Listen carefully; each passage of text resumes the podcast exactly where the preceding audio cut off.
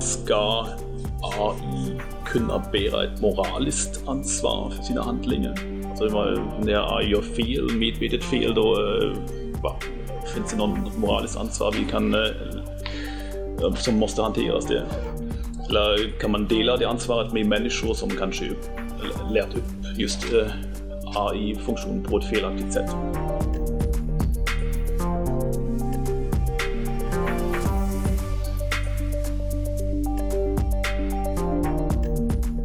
Just i det här läget kan man ju fundera på vilken AI eh, är det vi pratar om. Det låter så magiskt liksom att eh, vi har en AI som Eh, vi ska träna på olika kombinationer av skador och eh, här är ju frågan liksom, vad är det AI har gjort som har lett till att någon avlider, alltså får den konsekvensen i just det här läget.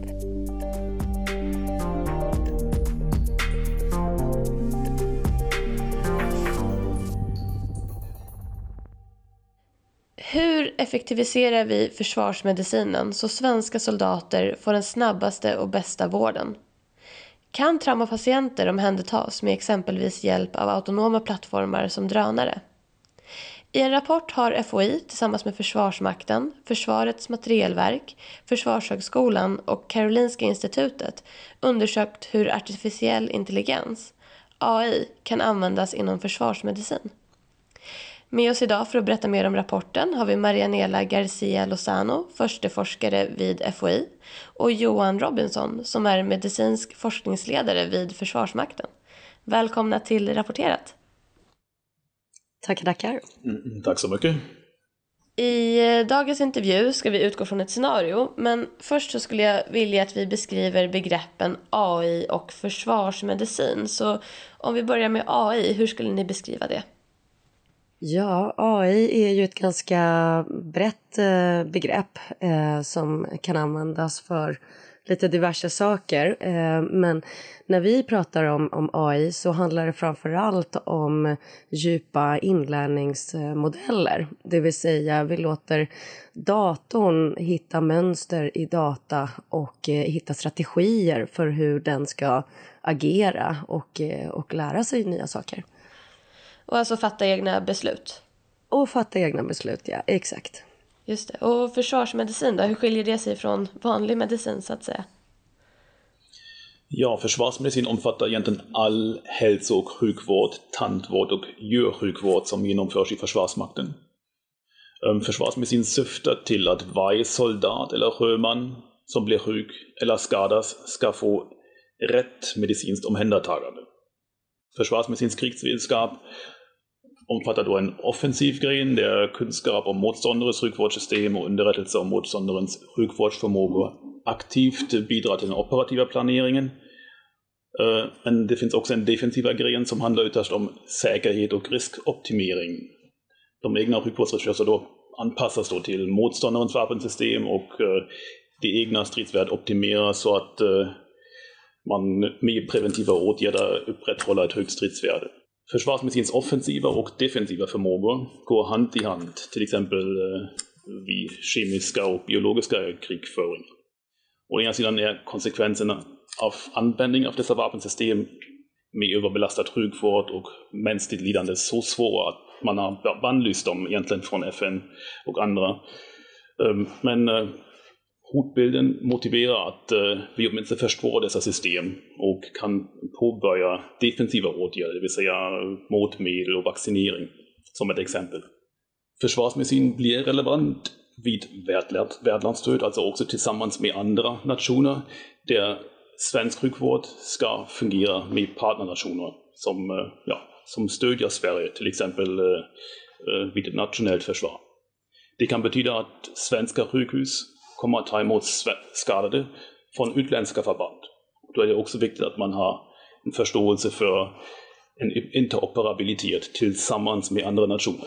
De svenska eh, försvarsmedicinska förmågorna måste vara trovärdiga. De måste hålla sig eh, på en så hög nivå som möjligt.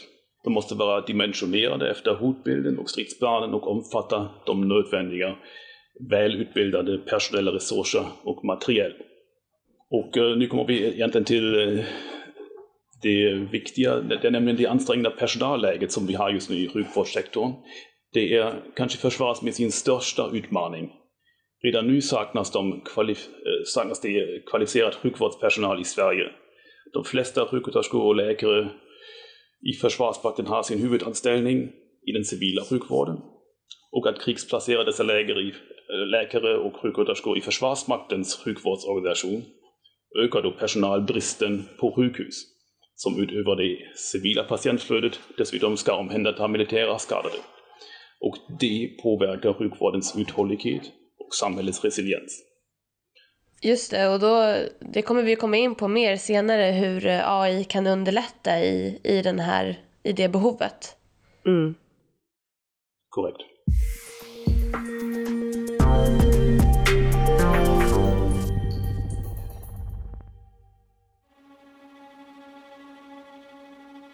Sverige är i väpnad strid. Det är många soldater i skogen.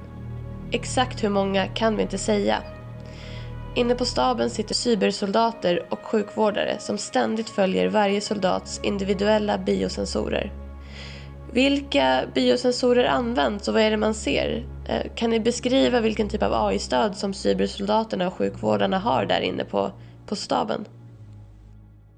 Precis. Jag kan ju börja kort med det som används idag. Um, civilt används biosensorer redan nu i smartwatches som, som de flesta av oss eh, kanske känner till. Uh, många av dessa är kopplade till mobiltelefoner även någon, någon sorts av moln. Det genererar ju väldigt stora datamängder som kan identifiera individer eller grupper med hög stresspåslag till exempel som då bör planeras för återhämtning eller man kan identifiera uh, kanske vissa sjukdomar som är på gång. Uh, allt sånt finns redan. Så det, det, det är ju teknik som eh, teoretiskt skulle kunna användas också i försvarsmakt och försvarsmedicinsk kontext.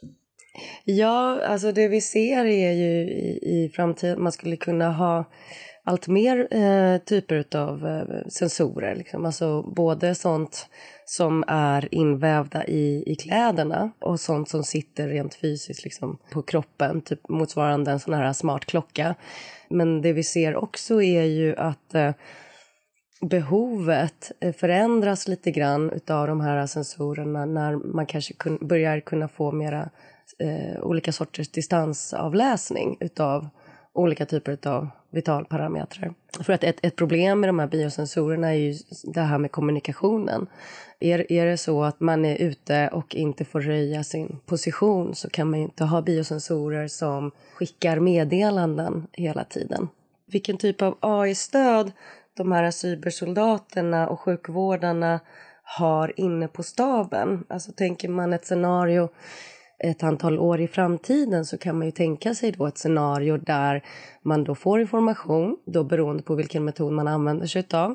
Eh, att den informationen då kan eh, aggregeras, det vill säga sammanställas och där man då kan få den här eh, lägesbilden på eh, soldaternas välmående.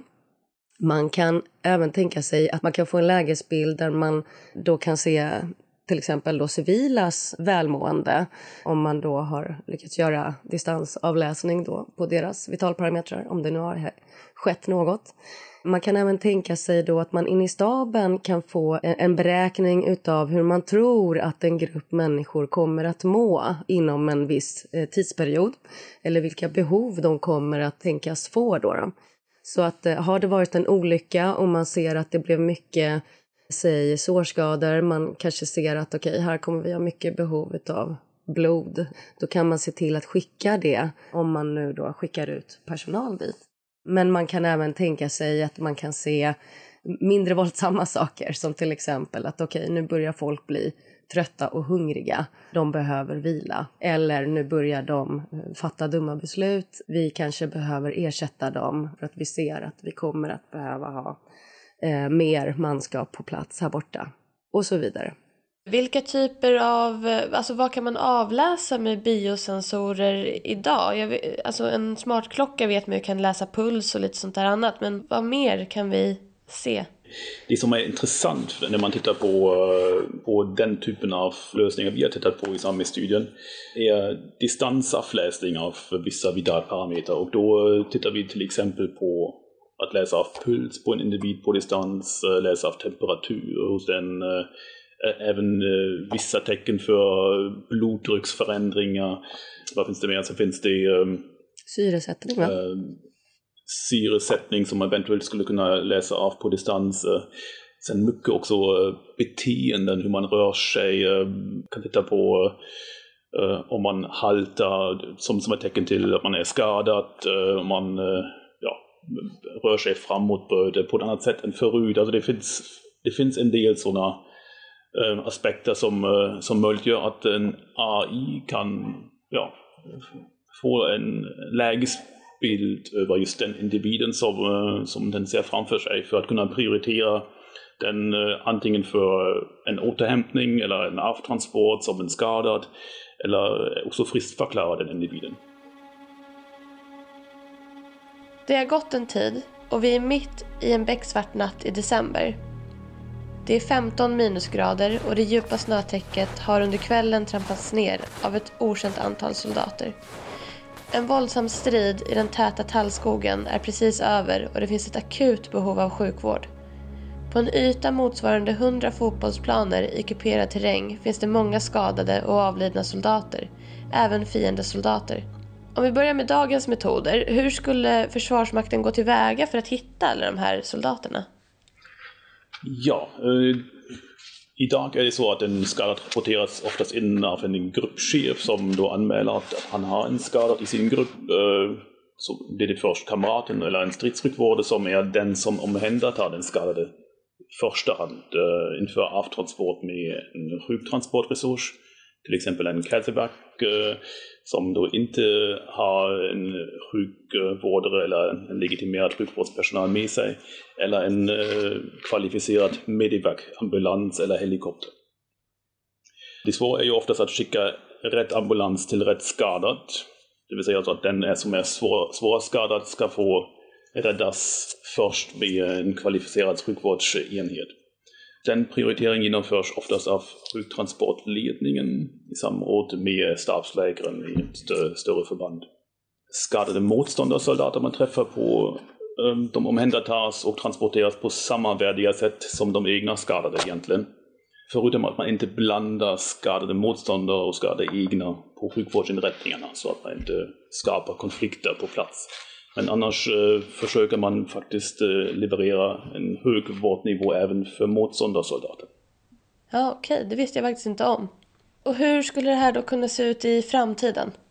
Ja, det finns ju väldigt mycket olika tekniska lösningar som man skulle kunna använda sig av här. Men det beror lite på dels den här hotbilden som finns mot de här skadade. Eh, är det så att de eh, är, är väldigt utsatta, att, att vägen till dem är svår att, eh, att nå till exempel så kan man ju tänka sig att man kan skicka då en autonom eh, flygande farkost, alltså en, en drönare som får åka dit eh, till skadeplatsen och då först skulle kunna då försöka få till en samlad bild då utav hur många skadade det är, hur deras eh, vitalparametrar ser ut, vad det är för typ av skador kanske som, eh, som finns och så vidare. Och sen det här då eh, skulle kunna rapporteras tillbaka och så skulle man då kanske få då en, en, en lägesbild då som säger att vi behöver ha läkarkompetens eller någon annan typ av kompetens. Eh, vi behöver kunna evakuera si och så många skadade och vissa behöver då evakueras på ett mer vad ska jag säga, skonsamt sätt än, än andra. Det skulle kunna vara ett scenario. Ett annat eh, exempel skulle kunna vara då att man redan har med sig en autonom ground vehicle, alltså en, en mark, autonomt markfordon som är så pass eh, självgående och autonomt att man då kan använda det till att eh, med hjälp av den skicka hem då soldater som är så skadade att de inte eh, kan fortsätta striden då, om vi tänker oss att striden då fortsatt, fortfarande pågår. Johan nämnde några begrepp där, eh, Kasevac och, och Medivac.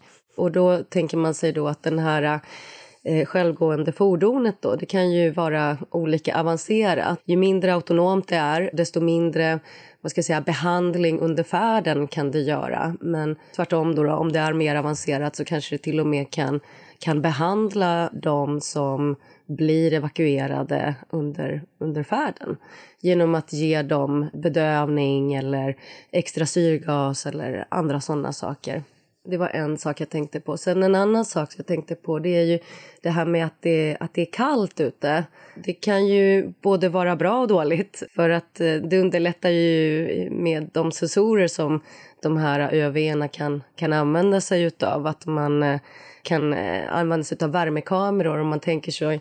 Det är ju ganska stor, stort eh, område som eh, de här soldaterna är utspridda över. Och då kan man tänka sig att man då har värmekameror för att försöka hitta dem. Och eh, att det är kallt ute så blir det ju lättare. Men vad är nackdelen då med att det är kallt? Är det batteritider och sånt där? Eh, bra fråga. Jag, alltså, du tänker på det tekniska. Ja. Eh, ja, absolut. Alltså, det har man ju problem med idag. Eh, att vissa batterier inte riktigt tål kyla eh, så mycket. Men det jag tänker är väl framförallt de skadade. Här har inte jag den medicinska kompetensen för att säga hur mycket det påverkar men jag kan ju tänka mig att folk som kanske tappar medvetandet och ligger i minus 15 eh, kanske snabbare blir dåliga, eller? Vad säger du Johan? Mm. Ja, Eh, den, den, kalla temperaturen leder ju till att eh, de som är skadade får oftast en eh, nedkylning i kroppstemperatur och det leder till att de ja, de mår sämre, de har lättare att blöda, de, alltså organfunktionen är inte på topp och då blir det ännu mer bråttom då att uh, transportera dem till uh, en vårdnivå där man kan värma upp uh, dem under kontrollerade förhållanden så att de inte får ytterligare skada. Ja. Um, av, avseende um, de tekniska lösningarna bygger ju väldigt många sensorer på att det finns tillgänglig energi och det är som du säger Eh, batterierna som kan ställa till det för, för oss som uh, behöver den energin i biosensorer som ska avläsa kroppens uh, ja, puls, blodtryck, uh, mm. stresshormon, rörelsemönster. Um, och det, är, det är något man måste ta hänsyn till när man bygger system för nordiskt klimat. Mm. Jag tror det är, det är något som, som man måste kravspecificera när vi bygger plattformar som ska ta hand om skador framöver. Mm. Det är ju det där om, om det blåser väldigt mycket också. Det gör ju också att det blir svårt för dem, eller svårare för de autonoma farkosterna att, uh, att ta sig fram. Det är bra med redundans, det vill säga att man då i så fall har kanske flera ögon i luften, det vill säga att drönare uppträder i en, ja, kanske i ett svarm eller ett nätverk av flera drönare som, som flyger över eh, skadeområdet så att eh, om en drönare kanske inte har batteriet kvar då finns det kanske några till som eh, kan fortsätta med, med sökandet och genomsökandet av området. Bland alla soldater så har vi nu lokaliserat soldaten Kjell och hans skadade kollegor. Skadeläget för soldaterna varierar. Kjells läge är kritiskt men stabilt. Vem ska då få hjälp först och hur ska man göra det som vi har pratat om tidigare och som inom sjukvården då kallas för triagering? Hur kan alltså biosensorerna, kan de vara till hjälp här? Ja, vi kan börja med, med triage. Um, triage kallas prioritering av patienter för akut och fortsatt behandling samt evakuering efter primär undersökning. Vi skiljer vid större skadeutfall mellan sållningstriage innan det första omhändertagandet och sorteringstriage före evakueringen. Triage bygger oftast på vitalparametrar som till exempel fria andningsvägar, andningsfrekvens, syrgasmättnad, hjärtfrekvens, blodtryck, vakenhetsgrad. Ehm, och sen översätter man det till olika triagenivåer. I Försvarsmakten används fem olika triagenivåer. T1, som vi också kallar rött, betyder livshotande skador. Här behövs omedelbar behandling och snarast eh, kvalificerad avtransport, till exempel med en Medevac-helikopter. T2, då eh, gul markerat, eh, med svåra men ej livshotande skador. Här ska man påbörja stabiliserande behandling snarast, men en Medevac-transport är inte lika högt prioriterad som på en som är rött markerat som har då livshotande skador. Vad innebär eh, Medivac-transport? Vad är det för typ av transport? Just En Medivac är en, sjukvårds, en sjuktransportresurs. Det finns eh, kvalificerad personal ombord, det vill säga då har man eh, till exempel en sjuksköterska med som då kan eh, under transporten eh, fortsätta med eh, ja, livsuppehållande åtgärder, det vill säga till exempel eh, sätta en nål, i, i vätska, se till att, uh, man, att det komprimeras uh, blödande delar, att man sätter på en så kallad tourniquet som avsnörar stora uh, pulsådror som då kan fortsätta blöda i benen till exempel. Det som skiljer en medivac från en käsevac, där man då pratar snarare om en okvalificerad sjuktransport, där man då transporterar skadade till exempel eh, ja, i nästmöjliga eh, fordon, till exempel eh,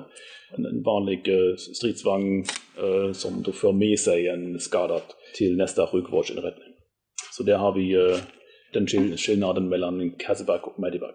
Den görs också i andra sammanhang, eh, till exempel i eh, NATO-kontext eh, där man då också skiljer mellan Casevac och Medivac. Vi fortsätter med T3, alltså den, den tredje klass, äh, triageringen, också grönmarkerad.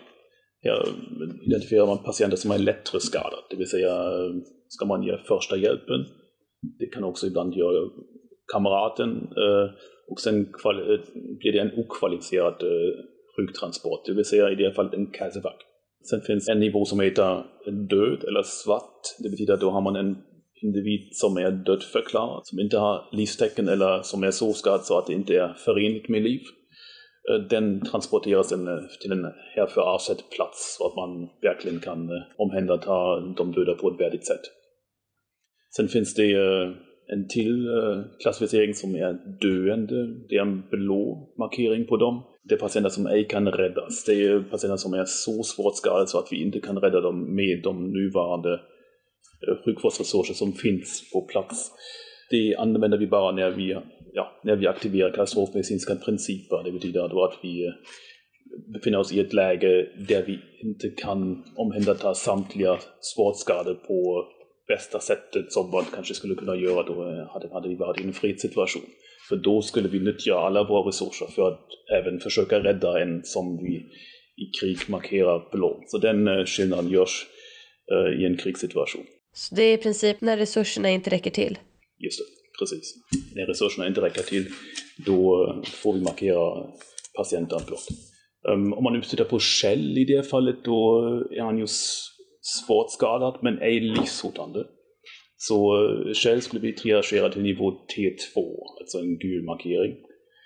Ehm, det vill säga en patient som har livshotande skador, som är till exempel en T1 eh, rött markerad patient, den kommer att prioriteras högre än Shell. Så Shell måste i så fall då vänta på nästa tillgängliga Medivac-resurs och kommer att prioriteras lägre än en T1-individ.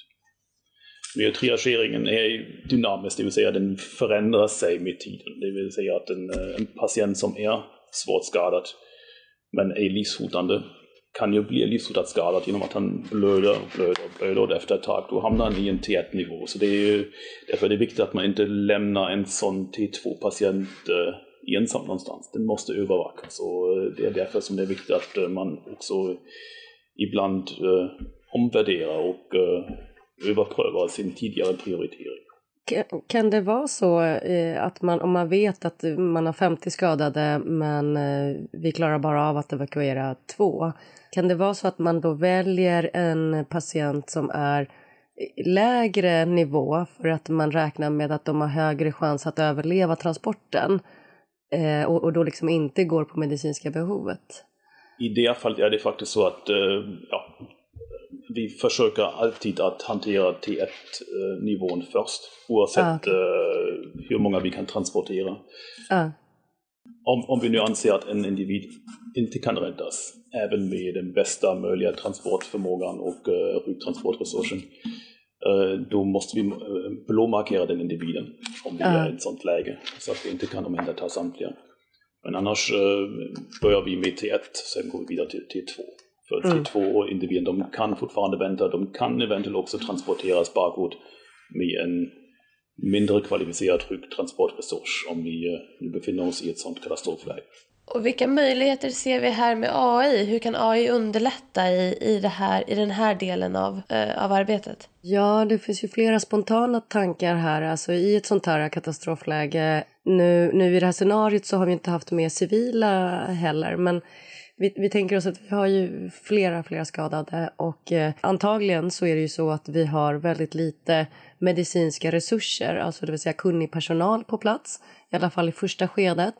Och då kan man ju tänka sig att, eh, säg att du har den här lilla svärmen med, med drönare som åker omkring och då kan dels samlar in vitalparametrar men då även kanske sammanställer då all den här informationen och gör då en eh, triage, alltså en, en, en, prioriteringslista och då kanske kan ge en preliminär bedömning och säga huruvida en patient eh, är då så svårt skadad att de inte överlever alternativt att de kan vänta en stund eh, och så vidare.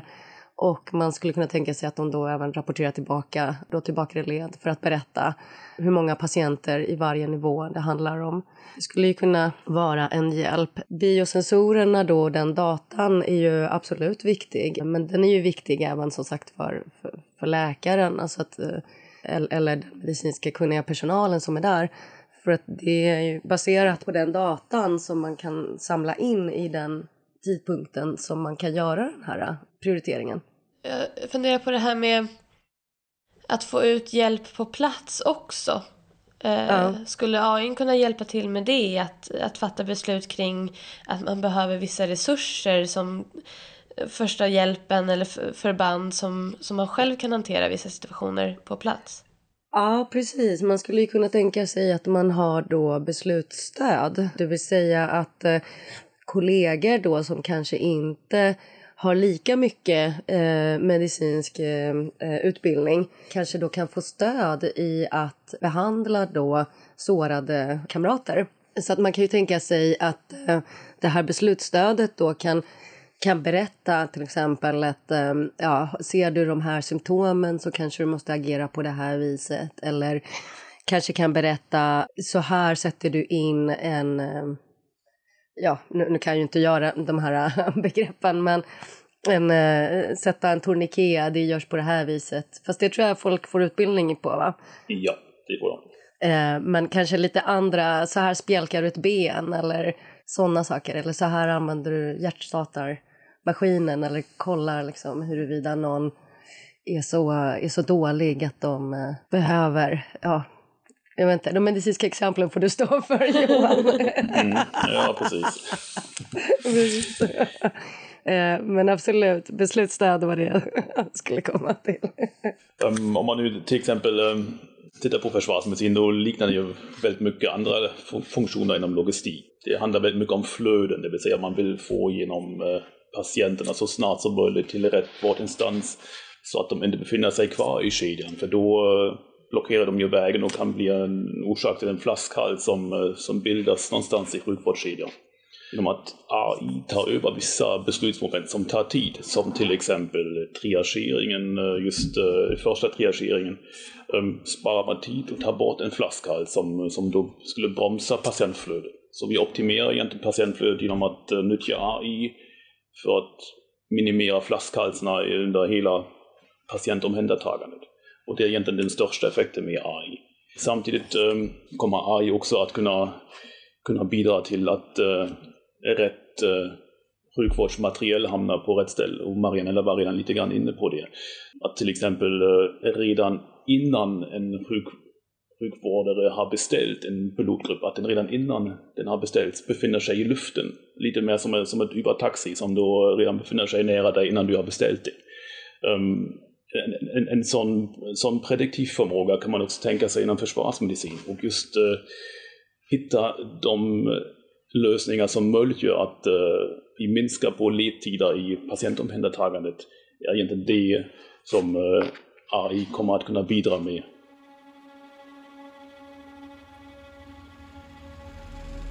Prioriteringen är gjord, men Kjells läge har blivit allt mer kritisk och han behöver evakueras akut.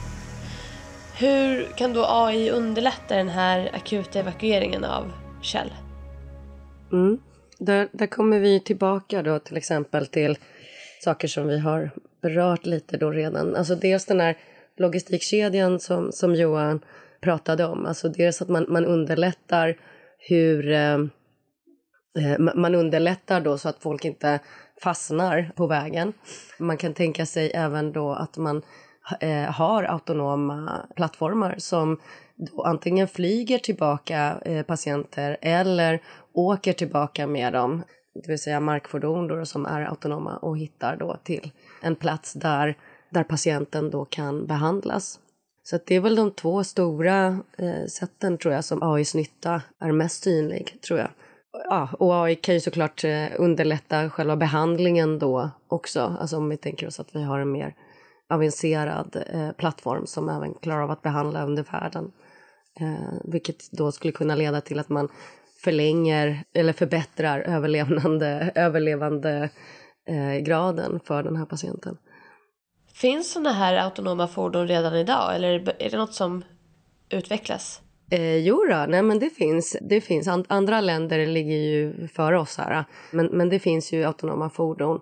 Sen är de kanske inte alltid riktigt anpassade för våra svenska förhållanden. Minus 15 och djupa snötäcken och täta tallskogar är, är kanske inte så många andra länder som direkt eh, har satsat på att utveckla för. Man kan ju säga så, när avseende Shell är han ju T2, har vi sagt, alltså en medelhögprioriterad eh, individ. Och när han väntar på avtransport, då kan man ju alltid fundera på vilka transportmedel finns det som, som är tillgängliga. Och det kan ju vara till exempel den där transport-UGVn, vi har identifierat i tidigare kontext, att den kan vara just den som transporterar hem Shell till eh, rätt uh, vårdnivå. Och I det här fallet så kanske en nivå 2 sjukvårdsinrättning där det finns möjligheter till livsräddande kirurgi, kanske även ett civilt sjukhus som finns på plats. Och eh, genom att eh, den här UGV får sekundaktuell information om de sjukvårdsflöden som finns runt omkring oss, då kan den ju också identifiera rätt sjukvårdsnivå som är då lämplig för, för Kjell så att han får den bästa vården han behöver. Och um, den, eh, det tror jag är styrkan med en AI-förstärkt uh, sjuktransportledning där man då lägger en del beslut egentligen på AI-algoritmer istället för att en, eh, ja, en en sjuktransportledare måste då dra i alla trådar samtidigt själv. Så som sammanfattning kan man ju säga att AI då kan stödja både med beslutsunderlag, med prognostisering och med eh, eh behandling egentligen eh, under, under färden. Kjells kollega däremot avlider tyvärr innan hen transporterats från skogen. Vid en utredning så framkommer att AI-stödet inte var tränad på den här kollegans kombination av skador. Hur kan en sån här situation hanteras? Det känns ganska knivigt. Vem är egentligen ansvarig? Precis, så, eh, detta är egentligen en eh, högst relevant problematik som, eh, som vi också berörde i vår rapport. För mm. Här kan man få mer diskutera, ska AI kunna bära ett moraliskt ansvar för sina handlingar. Alltså när AI gör fel, medvetet fel, då va, eh, finns det något moraliskt ansvar vi kan, eh, som måste hanteras. Det. Eller kan man dela det ansvaret med människor som kanske lärt upp just eh, AI-funktion på ett felaktigt sätt. Mm. Um, och sen får man skilja det ifrån det juridiska ansvaret från, som, som är ett annat ansvar som ligger inom ram för gällande lagstiftning. Och då har vi ju hälso och sjukvårdslagen, patientsäkerhetslagen och en del andra lagar som gäller just eh, sjukvården. Där finns det inget enkelt svar och jag tror det ligger vi lite efter med vår lagstiftning. Alltså vi, är, vi är inte förberedda i vår lagstiftning för att kunna um, hantera en AI som gör fel uh, som, ja, i, en, i samband med en sjukvårdsinsats till exempel. Mm. Sen tror väl jag att uh misstag. Eh, just, i, just i det här läget så kan man ju fundera på vilken AI är, är det vi pratar om? Det låter så magiskt liksom att vi har en AI som vi ska träna på olika kombinationer av skador och här är ju frågan liksom vad är det AI har gjort som har lett till att någon avlider, alltså får den konsekvensen i just det här läget. Det AI gör, eller vi har ju flera olika system här, alltså vi har ju det system som kanske bara har hand om själva bedömningen och den bedömningen görs ju då enligt de, de regler som egentligen då har ställts upp. Och, och, är det så att man märker att okej, okay, reglerna var inte fungerande, alltså en AI kommer ju alltid bara göra så som du har Eh, enligt de förutsättningar du har gett den. Så att om den agerar på något sätt som inte är godkänt så att säga, då, då har det antagligen varit fel tidigare i själva liksom, godkännandeprocessen eller ackrediteringsprocessen eller testningsprocessen.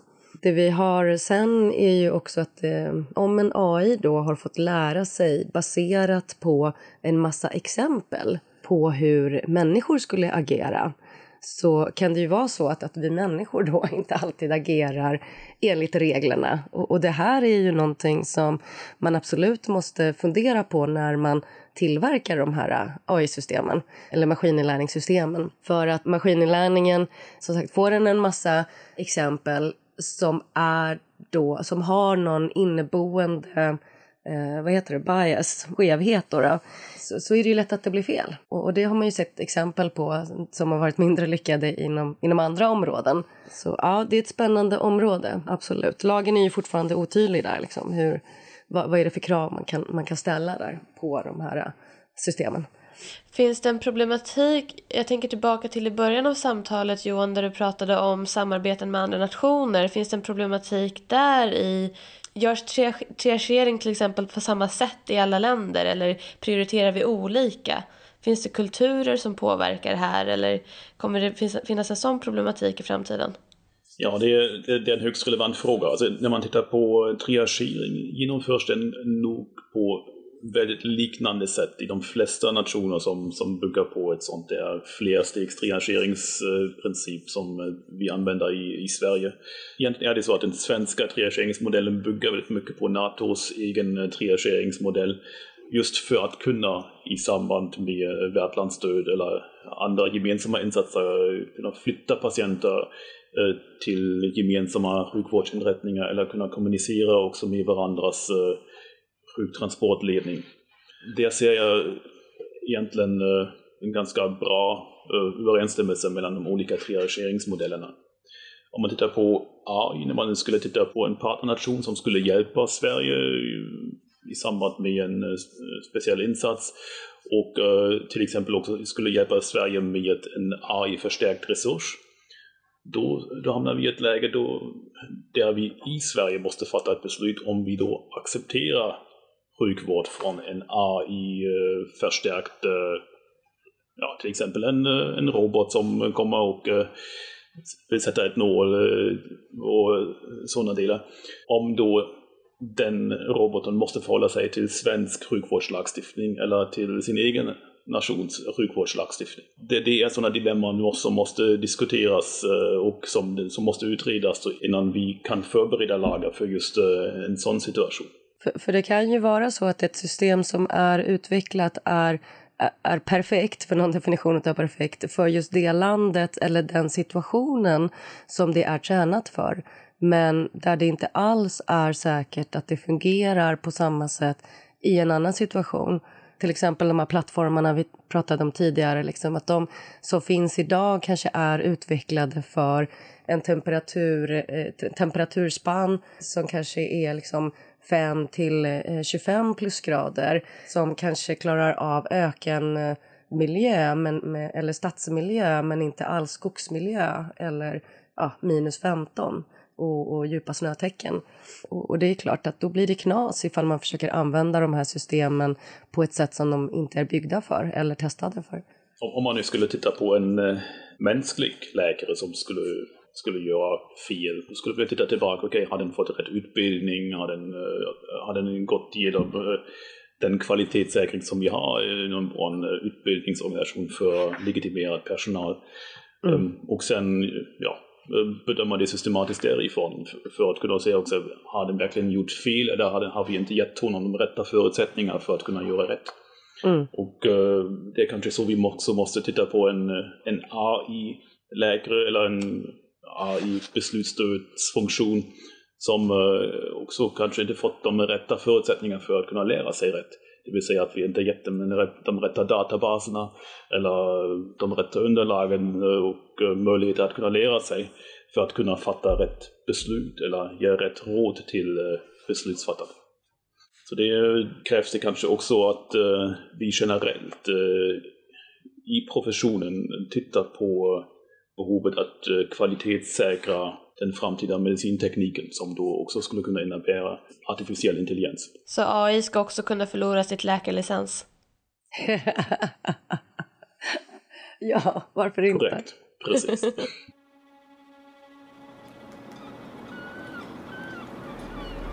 Ute vid kusten har det samtidigt pågått en kort men intensiv sjöstrid. Amfibiesoldaten Aisha ligger skadad i en livbåt tillsammans med fem kollegor. Skiljer sig tillvägagångssättet till sjöss jämfört med den täta tallskogen? Precis, eh, jag kan ju börja med det. Ehm, ehm, generellt eh, ja, har vi olika tillvägagångssätt, tillvägagångssätt eh, beroende på hur, i vilken miljö vi rör oss. Ehm, när vi är i amfibisk miljö till exempel, kustnära, rör vi oss oftast med plattformar som är sjögående, det vill säga en stridsbåt till exempel, eller en ribbåt som då kan, kan röra sig från en ö till nästa, eller eh, mellan eh, skärgårdsmiljöer. Oftast eh, pratar vi här om dolt uppträdande, det vill säga att man kanske inte vill röja sin position.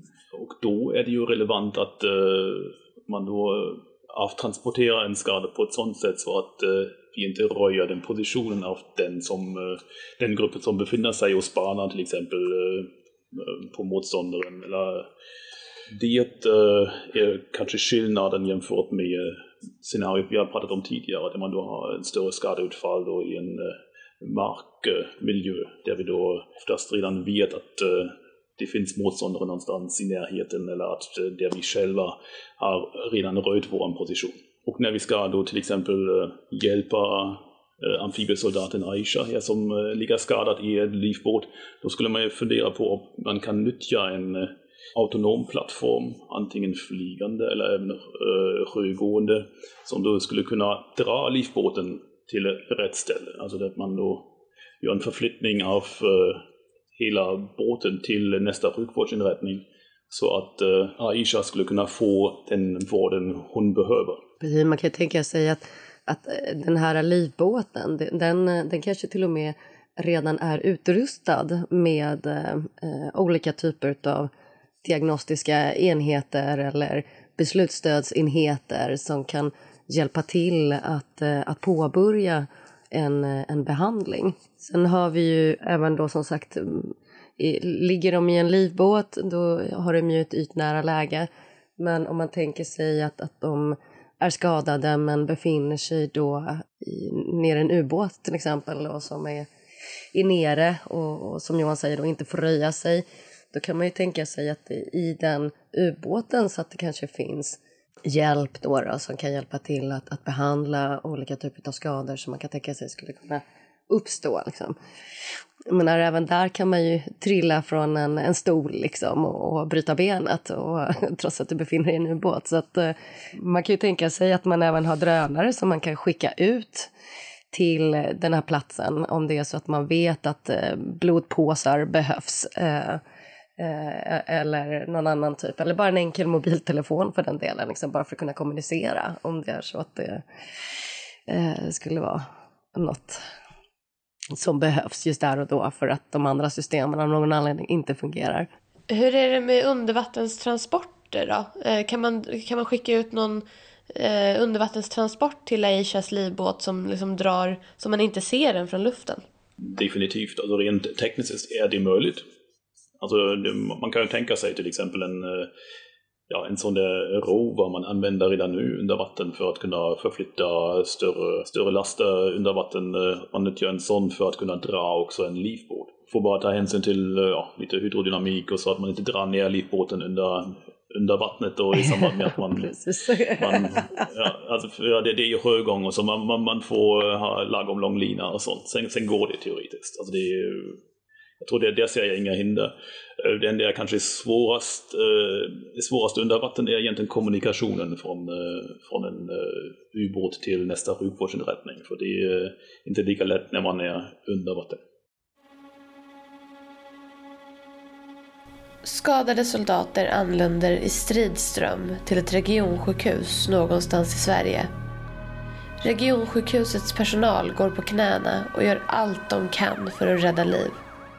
Samtidigt avlastas personalen genom sjukhusets tillgång till robotassisterad sjukvård i framkant. Hur används den och vad händer om tekniken vid en robotassisterad operation eh, fallerar? Stämmer sjukhuset robotföretaget? Ja, jag kan ju börja med, med att uh,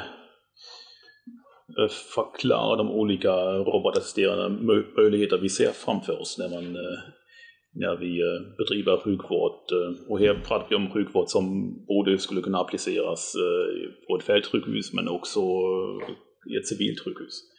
Ehm, det ena är ju att man då avlastar vissa sjukvårdsmoment som till exempel sätta en nål eller, eller ta blodprover, någonting liknande. Det skulle man kunna lösa med en robot som, som är byggt för att identifiera en blodkärl och sen sticka ett nål på rätt ställe och sen tar man till exempel prov eller injicerar ett läkemedel. Um, där finns det redan nu teknik som utvecklas åt det hållet. Mm. Eller bara robotar som flyttar runt folk va? Just det, precis. Sen finns det robotar som, eh, som, som ni säger, som, som man kan nyttja för logistik. Det vill säga att man, eh, att de, ja, man använder patientbritsar som rör sig själva utan man måste förflytta dem i, eh, i en undersköterska eller, eller en annan individ som, som ska förflytta patienter.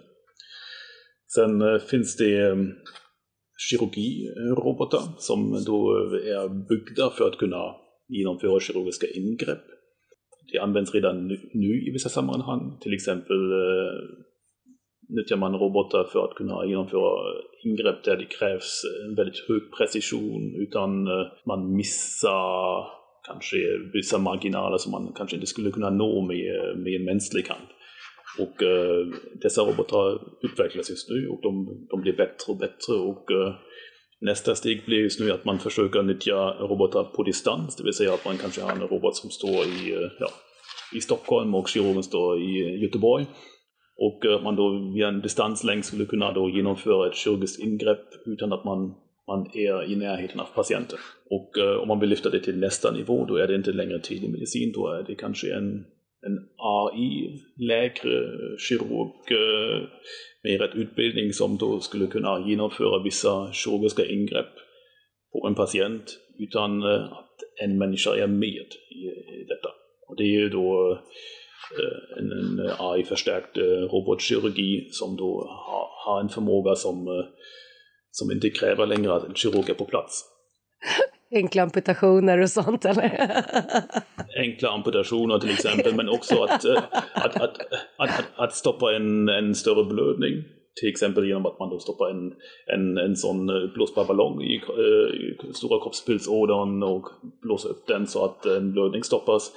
Ehm, den tekniken, om man robotifierar den, kan, kan vi nog avlasta personalen på ett stort sätt och minska på flaskhalsar då i patientflödet. Och vad händer då om man gör ett misstag? Alltså om tekniken gör ett misstag vid en robotassisterad operation. Eh, vi var väl inne lite på det här förut med, med AI. Mm. Eh, mm. Är det liksom samma diskussion eller stämmer, vi sjukhus, eller stämmer sjukhuset robotföretaget i det här fallet? Ja, alltså det beror på vad man lägger eh, eh skulden till det. Eh, det är lite samma diskussion som vi hade tidigare. Alltså, eh, ligger felet i, i hanterandet av den här utrustningen eh, där man då har försökt att använda den i en miljö eller på ett sätt som det inte är gjort för? Eh, eller är det så att eh, trots att man har följt alla riktlinjer och, och alla eh, direktiv kring den där utrustningen att, att det ändå har blivit fel, ja då, då är ju frågan om det är en utvecklingsfråga. Då att man har infört då eh, diverse typer av skevheter. Och det kan ju vara skevheter som liksom man inte ens upptäckte vid själva kravställningen utav de här apparaterna. Det här med att sticka nålar till exempel i armar och sånt där. Det, Eh, jag menar, tränar man en sån robot bara på starka män mellan 18 och 50 vita så är det ju klart att roboten kommer ju lära sig att hitta ådror och sticka dem på ett sätt som fungerar jättebra för det. Men kanske inte alls kommer vara lika bra ifall du har en eh, äldre mörkhyad eh, kvinna med skrynklig hud. Liksom. Det, återigen så kan man ju då fråga sig, ja, då var kravställningen kanske inte helt rätt. Och, och då är frågan om det var robotföretaget som stod för kravställningen eller var det beställaren som stod för kravställningen? Är eh, medicinområdet fredat? Jag tänker, behöver vi vara oroliga för att en antagonist hackar en robot så den sticker nålen alldeles för långt in i armen? Eller är det liksom lite mer fredat än så? uh, nej, alltså... Uh där får man ju skilja på, på system som är uppkopplade så att säga e- eller system som fungerar helt eh, vad ska jag säga, skärmat. Eh, men ja, nej, det är väl klart att man kan tänka sig att eh, man har eh, någon antagonist som, som vill komma in och förstöra. Liksom. Säg att du har en väldigt viktig operation och av någon anledning eh, behöver göra den på, på distans och sen är det någon väldigt viktig person som ska opereras så är det klart att det kanske kan finnas då motiv för någon att försöka med olika disruptiva metoder försöka förstöra då sådana typer av operationer pågår väl, eh, inte bara inom medicinområdet. Jag kan ju komplettera lite grann. Alltså är, mm.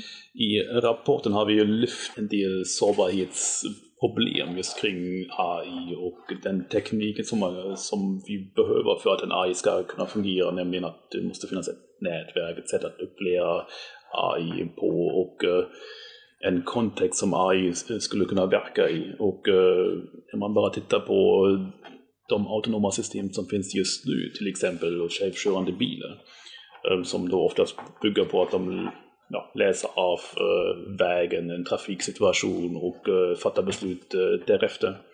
Då ser vi redan nu möjligheter att lura en sådan AI som har lärt sig att hantera en viss trafiksituation och då fatta fel beslut. Och detta är lika relevant också i sjukvården. Ähm, nu anser jag inte att motståndaren kommer att äh, använda det äh, äh, mot oss. Men åtminstone måste vi vara förberedda att kunna hantera också en sån situation och bygga så säkra AI-system som möjligt. Så att vi utvärderar dessa och också identifierar deras sårbarheter. Det måste, det måste ingå i en sån kravspecificering av AI-system som ska implementeras i försvarsmedicin. Mm. Oh ja, det, det är superviktigt. Och, och, just för att man har sett, som, som du tar upp där Johan, att eh, vi har ju sett att eh, ibland är det så löjligt enkelt att lura en AI.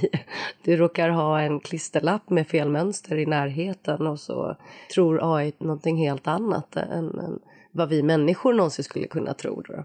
Till exempel då självkörande bilar som blir lurade av att det står en en, en klisterlapp på en hastighetsbegränsning och helt plötsligt så istället för att eh, se att det är 50 km i timmen så, så tror den att eh, det ska vara 100 km i timmen. Eh, och det är ju direkt farligt, absolut. Ja, det här väcker ju mycket fler frågor men det får vi nog ta i, i ett annat avsnitt.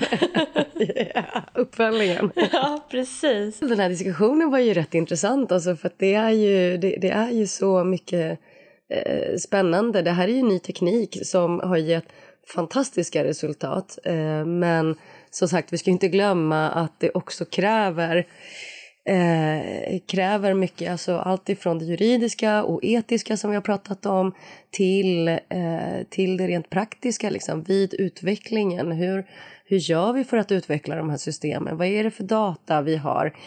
Eh, I det här eh, försvarsmedicinska området så kanske det är så att vi kommer att stöta på massor med situationer som vi skulle vilja ha AI-system för men där vi kanske inte har tillgång till den här eh, enorma mängden data som man väldigt ofta eh, vill ha.